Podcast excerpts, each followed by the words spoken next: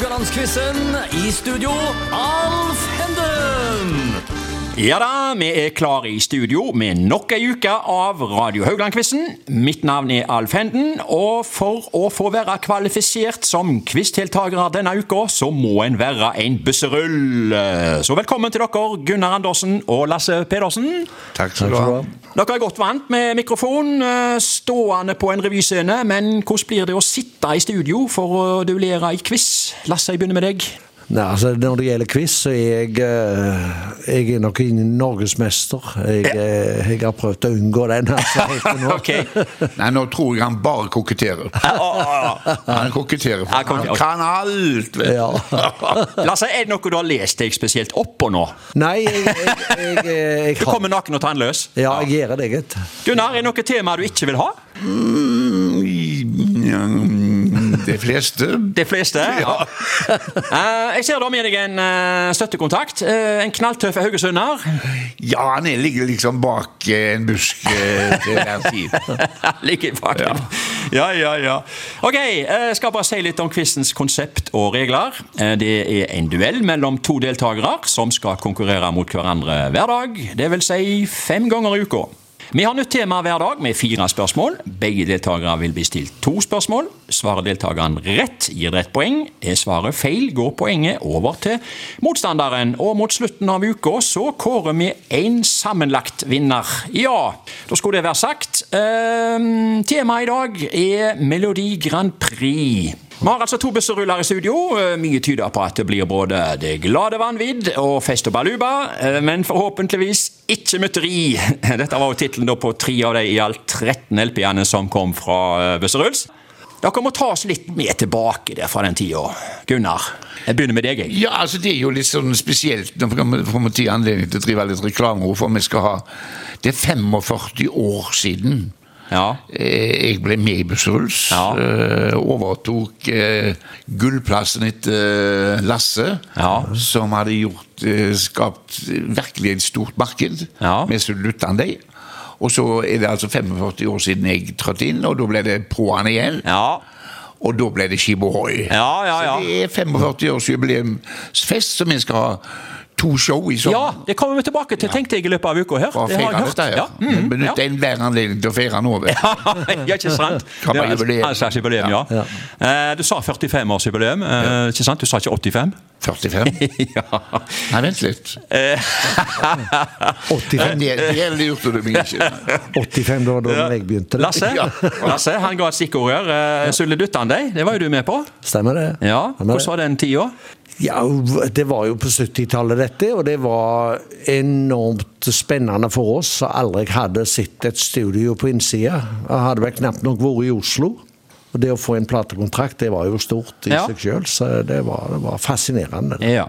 Ja, apropos platekontrakt. Temaet i dag er som jeg nevnte Melodi Grand Prix. Jeg har notert at uh, og Ruls ikke har vært med der. Men hvilket forhold har dere hatt til Melodi Grand Prix, Lasse? Norske finaler, har du sett mye av det opp Ja, gjennom årene? jeg har jo vært alltid når det gjelder musikk, så jeg har jo fulgt med hele veien der. Men jeg er nok ikke den som sitter på første benk når det Nei. gjelder Grand Prix. Jeg er ikke det. Nei.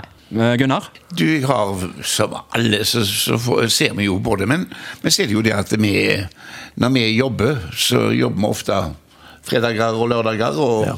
så det er nok mange lørdager jeg har vært på spillejobb og ikke fått sett Ja. de forskjellige finalene. Vi skal mimre litt i dag om det, og eh, vi begynner med quizen nå. Gunnar får første spørsmål. Vi skal til 1985 og finalen som ble arrangert i Chateau Neuf. Vinner ble Bobby Socks. Kim ble nummer to i finalen. Du skal få alternativer. Er det A. Karma med Anita Skorgan. B. Nattergal med Mia Gundersen og Olav Stedje. Eller C. Gammel drøm med Bjørn Eidsvåg. Et sterkt felt, dette her. Ja, jeg tror det var, jeg, jeg sier en A. Anita Skårgan. Altså Karma? Ja. ja, det gjør du helt rett i. Ja. Nattergal den eh, ble vel eh, nummer fire, og Gammel drøm med Eidsvåg den ble nummer sju. Som sagt, det er sterkt felt. Det var mange her gode her som ikke vant. Ja. Lasse, spørsmål nummer to. Vi skal til finalen i 1973. Vinner ble Bendik Singers med låten 'Å for et spill'. Komponert av eh, Arne Bendiksen, som så mange andre vinnere på 60- og 70-tallet var. Bendik Singers besto av fire stykker. Tre av de var Ola Negård, Stein Ingebrigtsen og Gro Anita Skjønn. Hvem var den fjerde?